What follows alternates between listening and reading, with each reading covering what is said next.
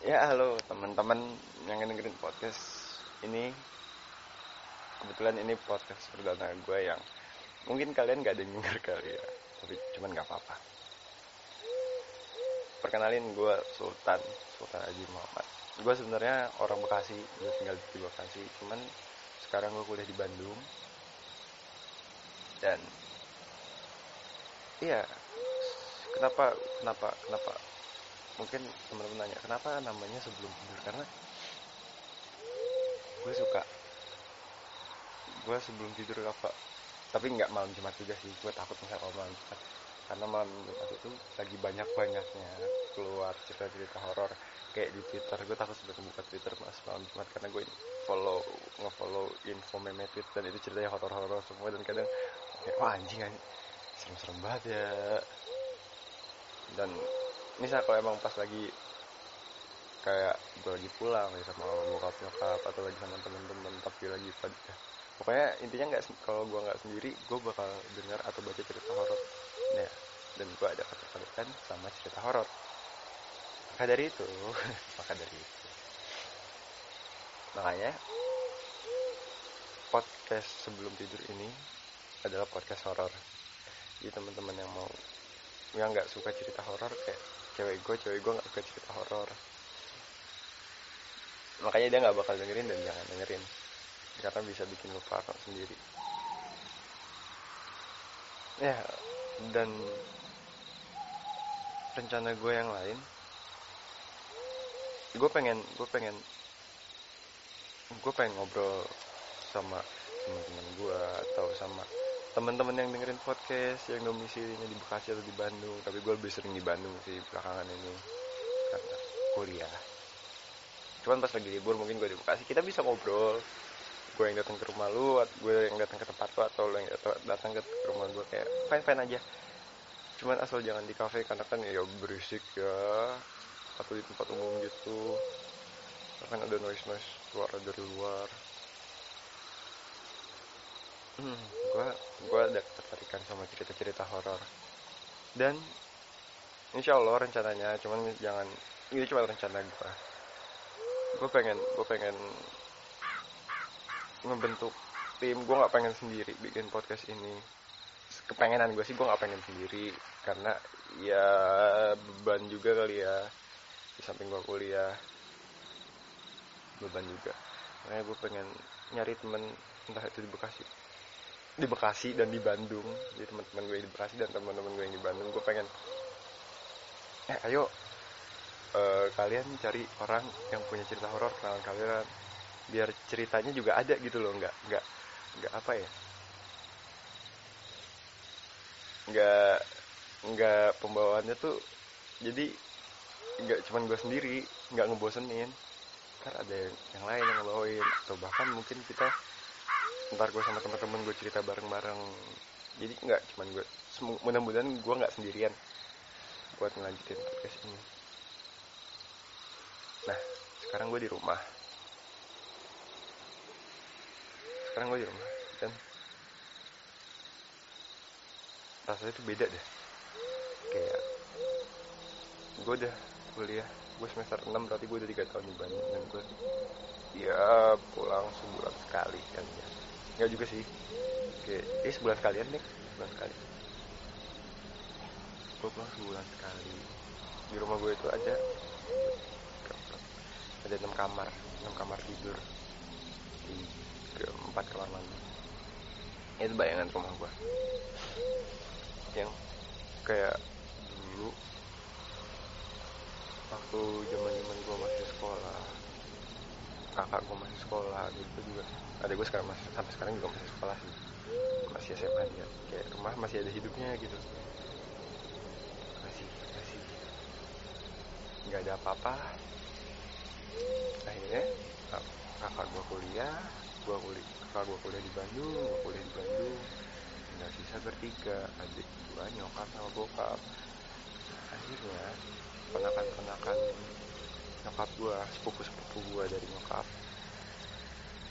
Di, di, di sekolahin sama dikuliahin di sini dibayarin sama nyokap kayak dibiayain. Udah kamu kul sekolah kuliah di sini aja.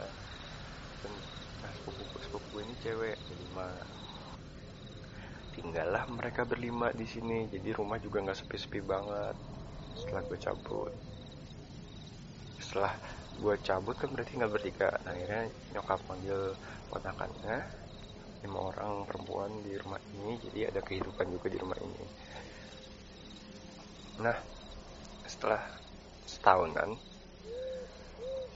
ponakan yang paling tua sama adiknya adik gimana ya anak pertama sama ponakan pertama sama ponakan kedua nyokap gue ini nikah setahun pertama setelah tinggal di rumah ini nikah nah, ya, ya udah. Ini um, gimana ya? Gimana ya? Gimana ya gue bilangnya ya? Jadi ponakan nyokap gue ada lima sepupu gue ada lima perempuan. Yang paling tua itu kita bilang ponakan pertama ya. Dari dan yang paling muda itu ponakan kelima. Nah iya gitu. Jadi pon jadi sepupu pertama gua sepupu pertama gua ponakan nyokap gua yang pertama. Nikah setahun setelah tinggal di rumah ini. Nikah sama suaminya dan untungnya sih untungnya.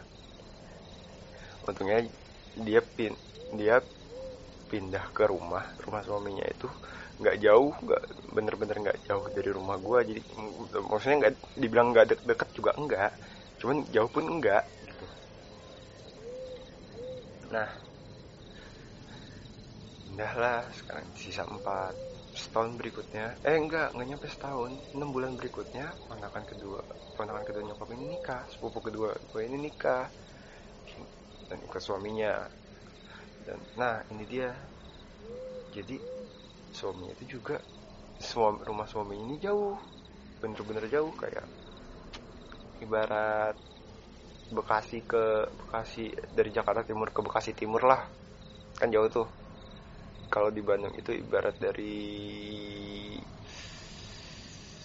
uh, Pasteur ke Kopo Buah Batu masih dekat. Eh ya kali ya Pasteur ke Kopo kali ya. Nah sisa tinggal bertiga. Nggak nggak lama setelah setelah 9 bulan sepupu pertama gua nikah punya anak nah tiga adik tiga adiknya ini yang belum nikah. Itu pindah ke rumah sepupu gue yang pertama. Kebayang gak sih? Kebayang gak sih? Kebayang lah ya. Pindah ke rumah sepupu gue yang pertama. Akhirnya bertiga lagi di rumah. Lama sempet. Cuman cuman nggak pindah-pindah banget sih. Terkadang kadang di sini kadang di sana kadang di sini gitu loh. Kayak loncat-loncat tinggalnya. Nah, nah kamar mereka itu sayangnya kamar mereka itu di bawah. Di bawah itu ada empat kamar di atas ada dua kamar. Kamar gue di atas. Jadi kamar gue itu kamar yang di atas. Nah kamar sebelah gue ini itu kamar sepupu gue yang pertama.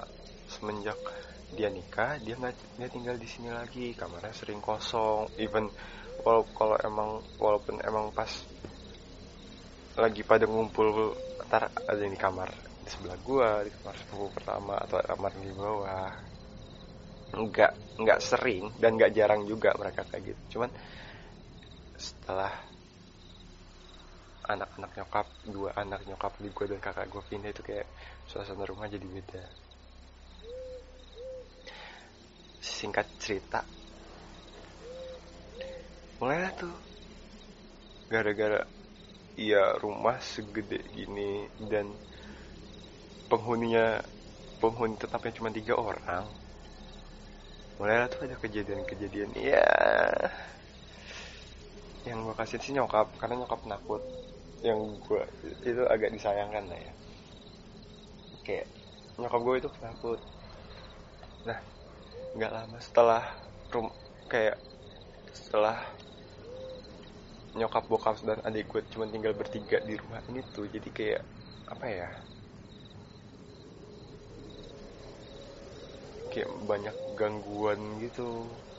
Ntar ya lampu lampu ruang tamu. Biasanya misalnya kalau udah malam tuh lampu-lampu dimatiin lampu rumah.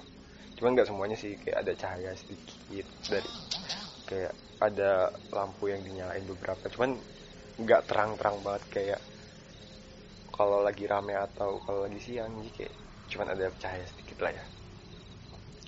Nah waktu itu nyokap lagi matiin lampu. Lagi matiin lampu. Ini sebenarnya sih biasa banget kayak matiin lampu terus tiba-tiba lampunya nyala lagi dimatiin terus nyala lagi kayak takut dong nyokap kasihan padahal sebelum sebelumnya tuh nggak ada nggak pernah ada kayak gitu. Ada sih beberapa kali. Jadi dulu gue juga pernah waktu SMA gue tidur.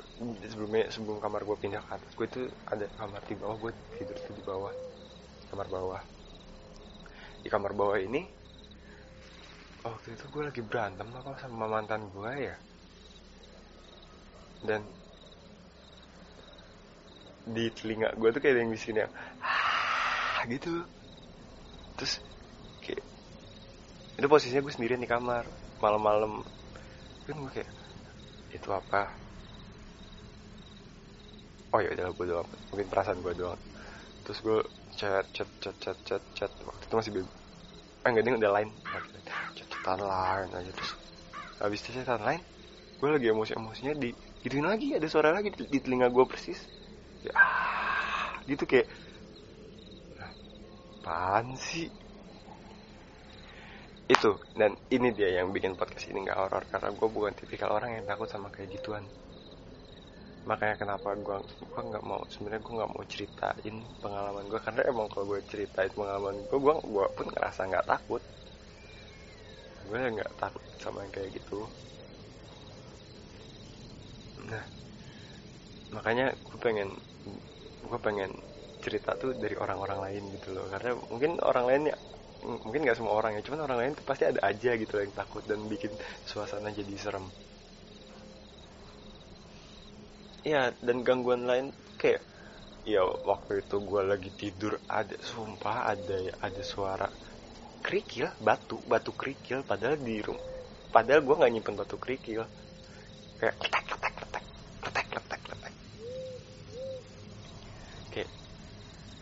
lucu ada suara gue di gue digangguin dikira gue takut kali ya.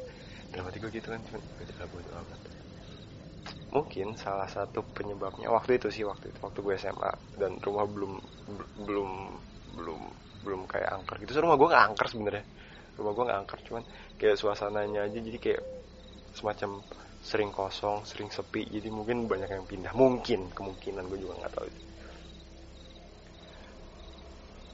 itu kayak ketak-ketak. Suara gue kayak ya aja gue digangguin. Terus dikira gue takut ya. Tapi oke okay lah. Nah jadi gue itu oh sampai sekarang sih. Gue tipikal orang yang artsy. Gue suka seni.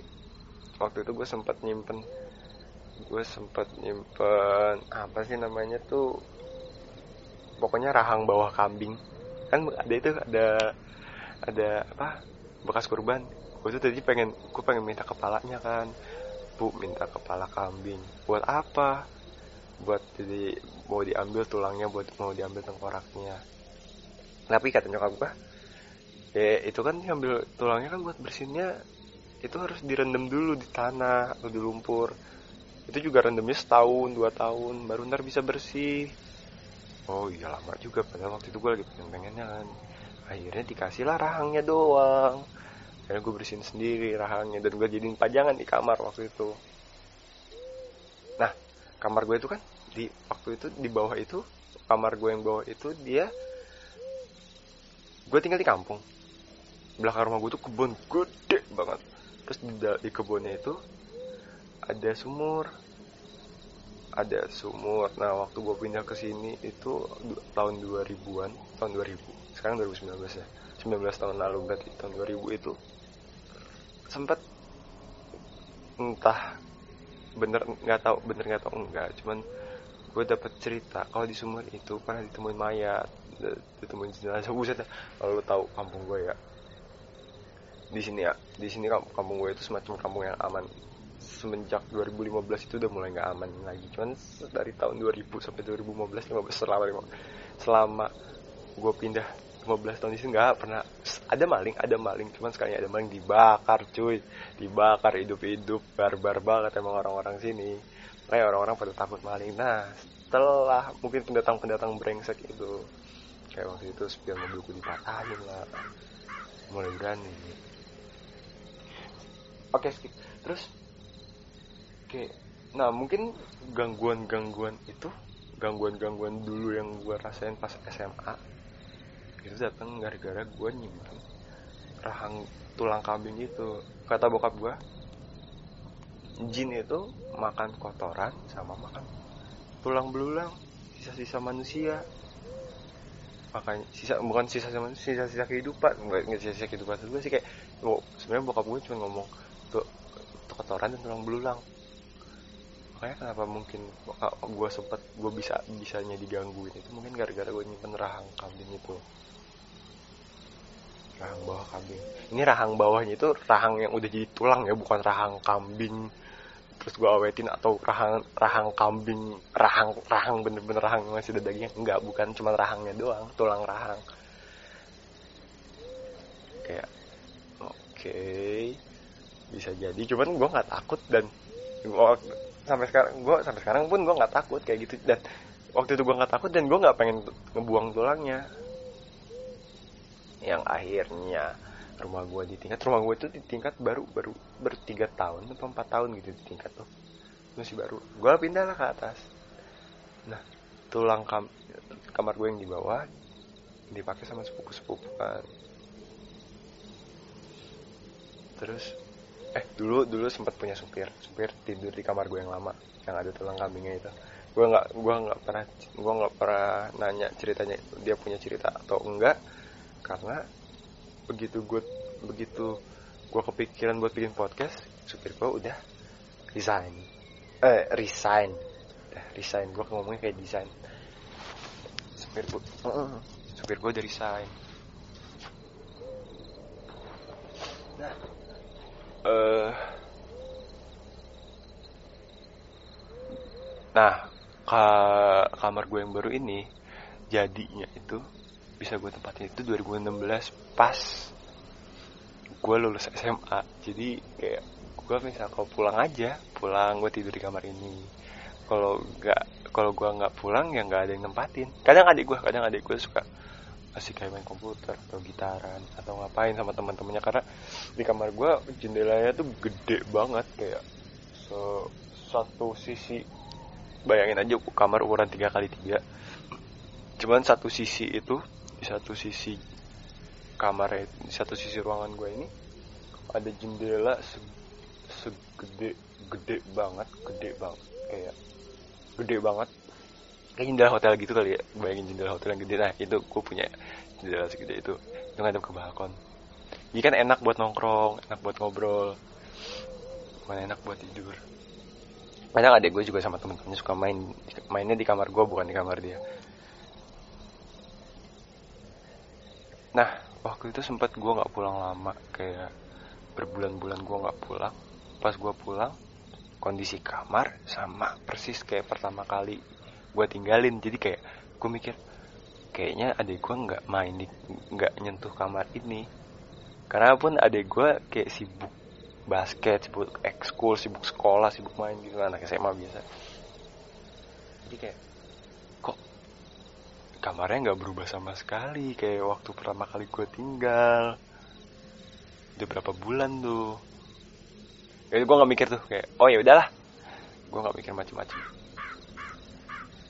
nah kebiasaan gue itu misalnya kalau tidur tidur telentang kaki gue itu kayak nekuk gitu loh nekuk ke atas. Kayak gimana sih? Kayak nekuk nekuk ke atas. Lututnya nekuk ke atas. Gimana ya? Ya gitu deh. Satu satu lut satu kaki gue itu nekuk ke atas gitu loh. Nah itu kebiasaan gue kalau tidur. Satu ketika gue lagi tidur. Terus dan dengan posisi gua, posisi kaki gue kayak gitu gue udah mulai lep udah mulai tidur gitu. Tiba-tiba kaki gue itu yang nakuk itu kayak ditarik jadi lurus kayak zet gitu. Pas kaget kan gue kayak Hah? oh nggak mungkin. Gue mikir pertama kali oh, mungkin itu cuman cuman kayak lagi tidur terus kaget gitu. Kebayang gak sih lu kebayang kan kayak tidur terus lagi kaget terus kayak oke okay, gak masalah. Terus selang beberapa hari gue gitu lagi. Kaki gue nekuk ke atas. Terus tiba lurus gitu seret gitu kayak kayak kayak ada yang narik gitu loh kayak ada yang narik kaki gue kayak terus gue mulai apaan sih? Ini ini kaget bukan sih? Gue mikir kayak ini tuh gue kaget dalam tidur apa gimana sih kamu mungkin masih kaget ya. Nah selang beberapa hari lagi gitu lagi. Nah pas pas gue kayak kaki gue dari nekuk itu terus tiba jadi lurus itu kayak wah anjing. Gue bilang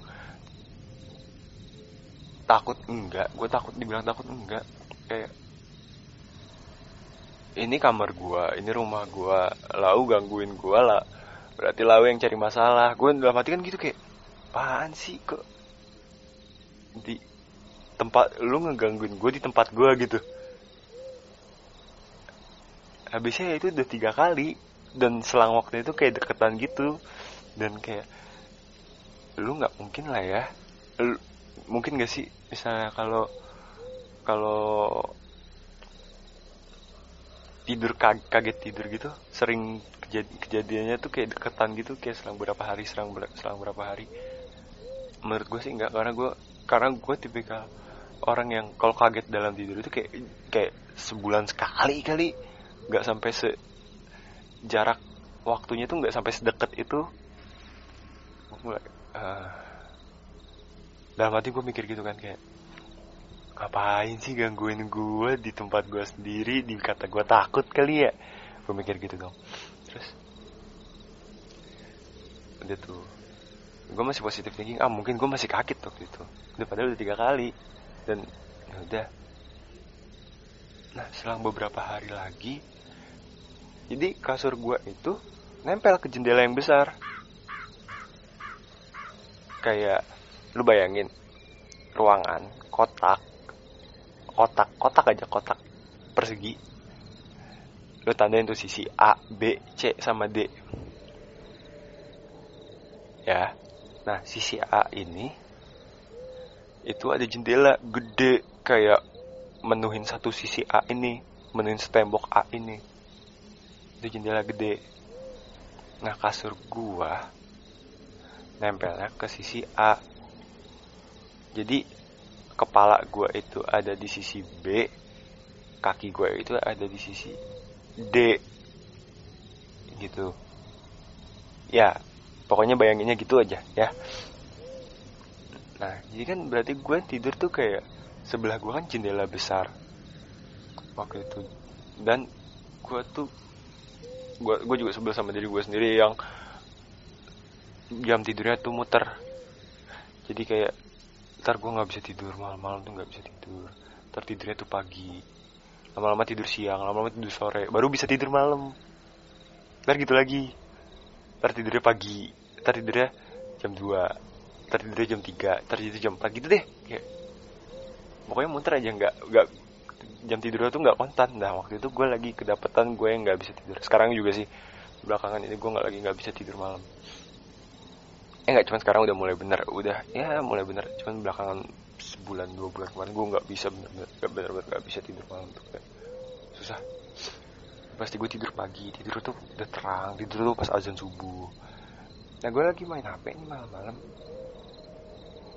Entah itu lagi main hp entah itu lagi video callan tiba-tiba di jendela gue ini kayak ada yang gedor kayak ada yang mukul dan mukulnya itu nggak sekali kayak dua kali oh mumpung berhubung gue lagi di kamar ini gue lagi main hp terus jendela gue itu kayak ada yang gedornya tuh kayak gitu. Malam-malam. Lah gue ah, anjing. Berarti kemarin-kemarin itu yang kaki gue kaki gue ditarik itu kaki yang kaki gue dari bengkok yang dari kaki gue dari nekuk jadi lurus itu gue bukan kaget itu ada yang narik. Dan mungkin itu salah gue juga karena gue seniman. Gue bisa gam gue jadi gue naruh lukisan lukisan gue itu di kamar di kamar gue yang sekarang dan uh, ada satu lukisan padahal gue punya lukisan la ilaha illallah ya. Gue punya lukisan lafaz Allah. Cuman ada lukisan lain. Sebenarnya lukisan cewek gue sih cuman gue ngeliatnya juga serem. Kayak apa ya? Kayak lukisan cewek gue cuman matanya itu nengok ke samping. Kayak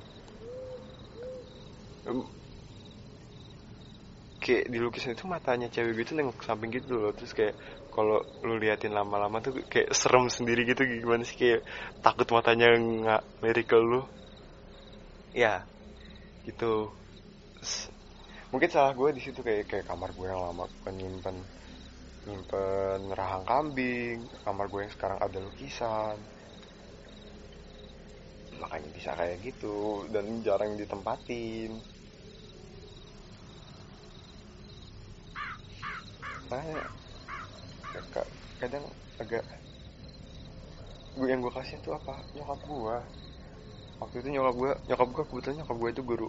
Waktu itu lagi ngoreksi tugas murid. Sampai malam. Dan kayak nyokap gue tuh kayak apa ya lagi ngoreksi. Oh, oh bokap gue juga lagi di luar kota. Jadi di rumah tuh cuma berdua nyokap gue sama adik gue nyokap gue lagi ngoreksi di kamarnya. Terus dia dengar barang digeser-geser dari lantai atas. Itu sebenarnya yang bikin bikin gue kesel tuh kayak anjing kasihan nyokap gue kayak adik gue laki-laki dan gue nggak peduli itu kayak ya lalu laki-laki lu nggak seharusnya takut sama yang gitu. Nyokap gue nyokap gue ya kayak, kayak uh, gue sabar-sabar aja deh. Banyak-banyak pikir aja banyak-banyak istighfar banyak-banyak nyebut nah gue tahu gue bisa percaya percaya hal, hal kayak gitu karena apa?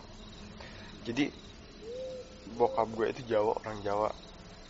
Jawanya itu Jawa ya yang kayak gitu lah lu tahu yang Islam Islam Islam Islam benar orang Naksabandia bokap gue itu yang di Tasik. Nah dulu itu zaman zamannya bokap gue tuh kayak lagi sempet ada waktu di mana dia beliau lagi senang-senangnya sama ilmu dalam kutip ilmu ya. Ilmu ya dalam kutip. Kadang suka masih ada nyisa-nyisa gitu sekarang setelah dia setelah dia berpenghasilan uangnya lumayan. Bisa beli ini bisa beli itu jadi kayak nggak pernah dilatih lagi dia lebih kayak ke ke deketin deketin Allah sholatnya rajin. Ya kayak gitu. Sekarang lebih yang kayak gitu. Lebih yang ke Islam lah ya.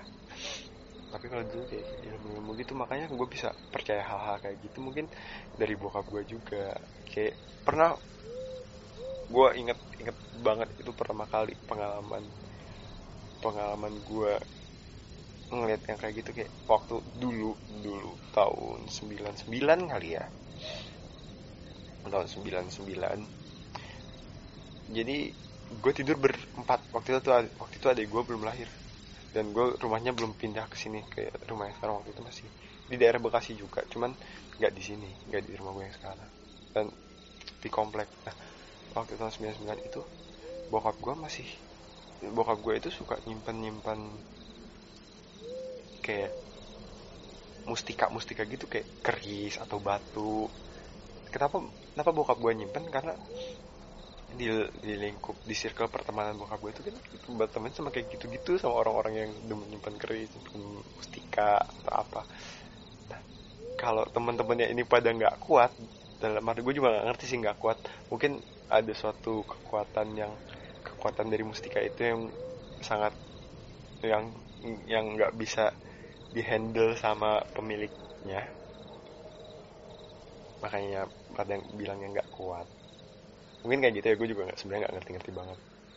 Nah teman-teman bokap gue ini yang punya yang tukang nyari keris keris-keris yang di tanah yang kecil-kecil gitu. Jadi batu-batu yang bertuah gitu. Kadang ada yang beberapa dari mereka yang nggak kuat sama barang hasil hasil berburunya itu. Dari kerisnya nggak kuat nyimpennya dikasih lah disimpan sama bokap dipegang lah sama bokap gue dikasih kayak bang nih nama bokap gue bambang. Bang nih pegang aku nggak kuat pegangnya. Oke. Diokein tuh. Diokein sama bokap gue oke lama-lama teman-temannya tuh jadi kayak mulut ke mulut gitu jadi kayak si A temen bokap gue si Om A nggak kuat megangnya dikasih bokap gue bokap gue fine fine aja kayak oke okay, sini. Terus A bilang ke B bilang ke temennya kayak lu misal kalau nggak kuat megangnya kasih aja ke Bambang gitu kayak. Akhirnya kayak gitu dari mulut ke mulut. Akhirnya itu mustika mustika itu ditaruh di laci lemari.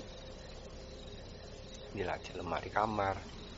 Tiap malam ya itu yang namanya perang kayak bunyi kelinting kelinting kelinting kayak keris ngadu beradu gitu keris kerisnya atau batu sama keris kelinting kelinting kelinting kelinting kayak banyak gitu loh kayak temen-temen orang-orang yang nggak kuat itu pada nggak kuat nyimpen mustika itu kayak kasihnya ke bokap gue ngasihnya ke bokap gue kayak ya bokap gue juga dengan polosnya terima-terima aja tanpa tahu akibatnya apa. Dan so far gue nggak nggak nerima akibat akibat dari kayak gitu yang fatal-fatal banget. Sih gue sendiri nggak nerima gue nggak nggak ngerasa nerima sesuatu hal yang fatal dari nyimpen nyimpen hal kayak gitu. Cuman ini pertama kalinya. Waktu itu gue tidur berempat sama bokap nyokap kakak gue sama gue waktu pas kecil masih umur berapa ya empat tahun tapi cuman gue inget banget inget banget. Gue berempat tidur di kamar. Dan sebenarnya masih pada bangun. Gue sama kakak gue tuh ngeliat di atas lemari. Jadi antara atas lemari sama pelafon itu masih ada jarak eh 70-80 sentian lah ya nggak nyampe semeter 70-80 senti. Masih ada jarak. Terus gue lihat di atas lemari itu kayak ada apa ya?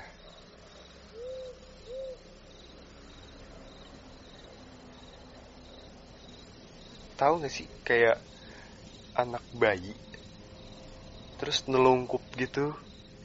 Apa ya bukan nelungkup apa ya kayak misalnya kalau kita kedinginan tuh kita kedinginan terus kayak meluk meluk meluk lutut kita gitu kayak posisi kedinginan gimana sih? Nah kayak pokoknya kayak ada orang kayak ada anak bayi kedinginan warnanya putih putih kapas gitu. Cuman kayak orang di atas lemari kayak lagi posisinya tuh posisi kedinginan gue nggak ngerti itu apa. Terus terus gue gua ngomong kan sama kakak gue mas itu apa? Pak itu apa? Itu jin kata buka gue itu gue inget banget itu jin. Oh tapi kan waktu gue sama bokap sama nyokap gue gak ngerasa takut ya. Kayak gue ngerasa aman-aman aja dan itu pun di atas lemari gitu. Gue kayak gue dan gue gue di kasur sama bokap bertiga nyokap gue tidur di bawah. Dan waktu itu keadaannya lagi bangun lagi nonton TV nyokap gue. Kayak gue, yang gue inget dari situasi saat itu seingat gue mungkin mungkin ada ada beberapa hal yang miss juga. Cuman seingat gue itu nyokap gue santai bokap gue santai semuanya lagi pada nyantai gitu lagi pada chill. Terus gue nanya pak itu apa? Itu jin. Mas lihat gak? Iya itu apa pak? Itu jin. Itu yang di yang di sekelebatan sekelebatan memori gue tuh kayak gitu. Oh ya dari situ dari situ gue percaya kalau gue nggak takut cuman gue percaya kalau mereka itu ada. M mungkin ada beberapa teman-teman yang yang yang dengerin podcast ini dan merasa kayak dasar primitif atau bisa ngomong gue kuno dusun atau apa kampung ya serah sih itu. Kita kan balik kepercayaan masing-masing. Bisa kalau emang nggak percaya ya yos monggo nggak usah dengerin. Cuman kalau lu udah denger sejauh, ini makasih. Karena udah 34 menit 20 23 detik.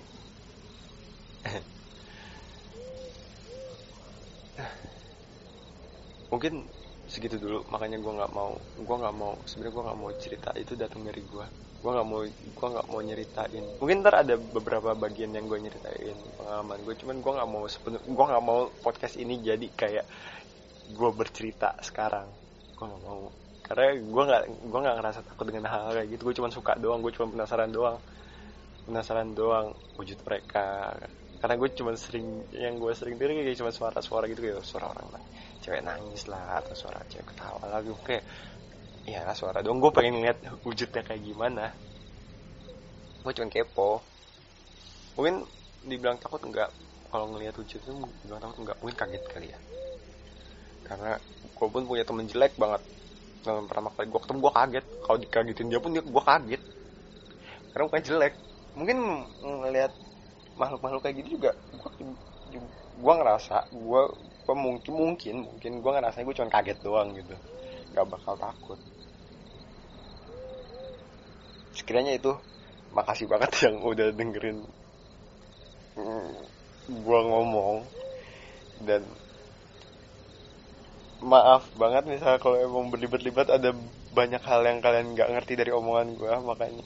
Makanya sekali lagi gue tekankan gue lebih milih untuk nggak cerita pengalaman gue secara kayak gini secara full satu episode gue yang ngomong gitu enggak makasih udah dengerin udah